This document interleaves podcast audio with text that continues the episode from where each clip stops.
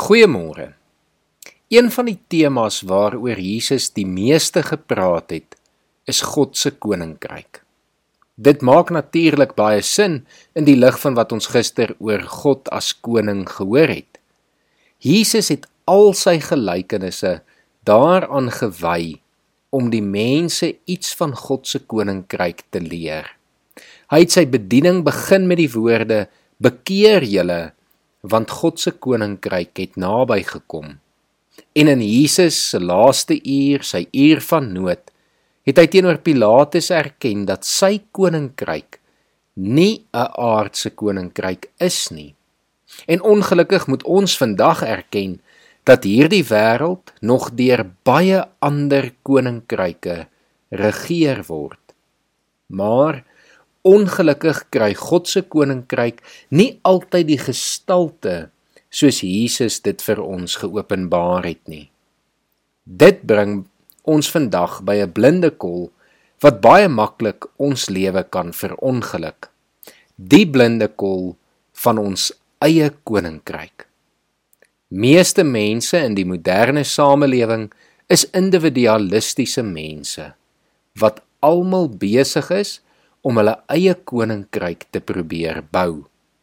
Vandag gaan meeste mense se tyd, geld en energie daarin om 'n koninkryk vir hulle self te vestig en op te bou.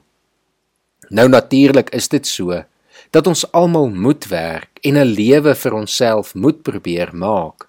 Ek sê nie vanoggend enigiets daarteen nie, want dit is onvermydelik. Ons almal moet dit doen. Maar dit is nie al wat ons moet doen nie. Ons lewe kan nie net oor onsself gaan nie. Daar is meer. Daar is 'n baie groter koninkryk waarbinne my en jou lewe moet inpas.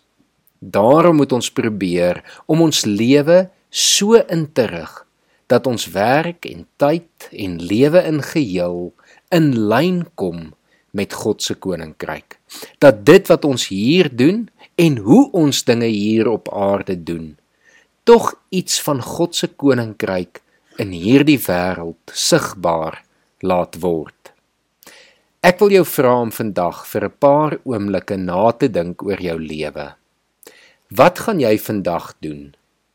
Hoe kan jy dit wat jy vandag moet doen in lyn bring met God se koninkryk of dit op so wyse gaan doen dat iets van God se koninkryk vandag in jou doen en late sigbaar sal word?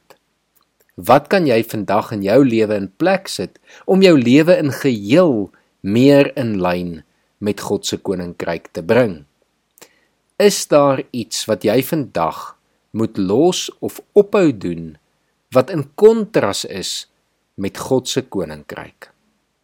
Ek sluit vandag af deur vir ons Jesus se gelykenisse van die koninkryk as die waardevolste skat vir ons uit Matteus 13 vanaf vers 44 tot 46 voor te lees. Die koninkryk van die hemel is soos 'n skat wat in die veld begrawe lê. 'n Man het dit ontdek en weer toegegooi.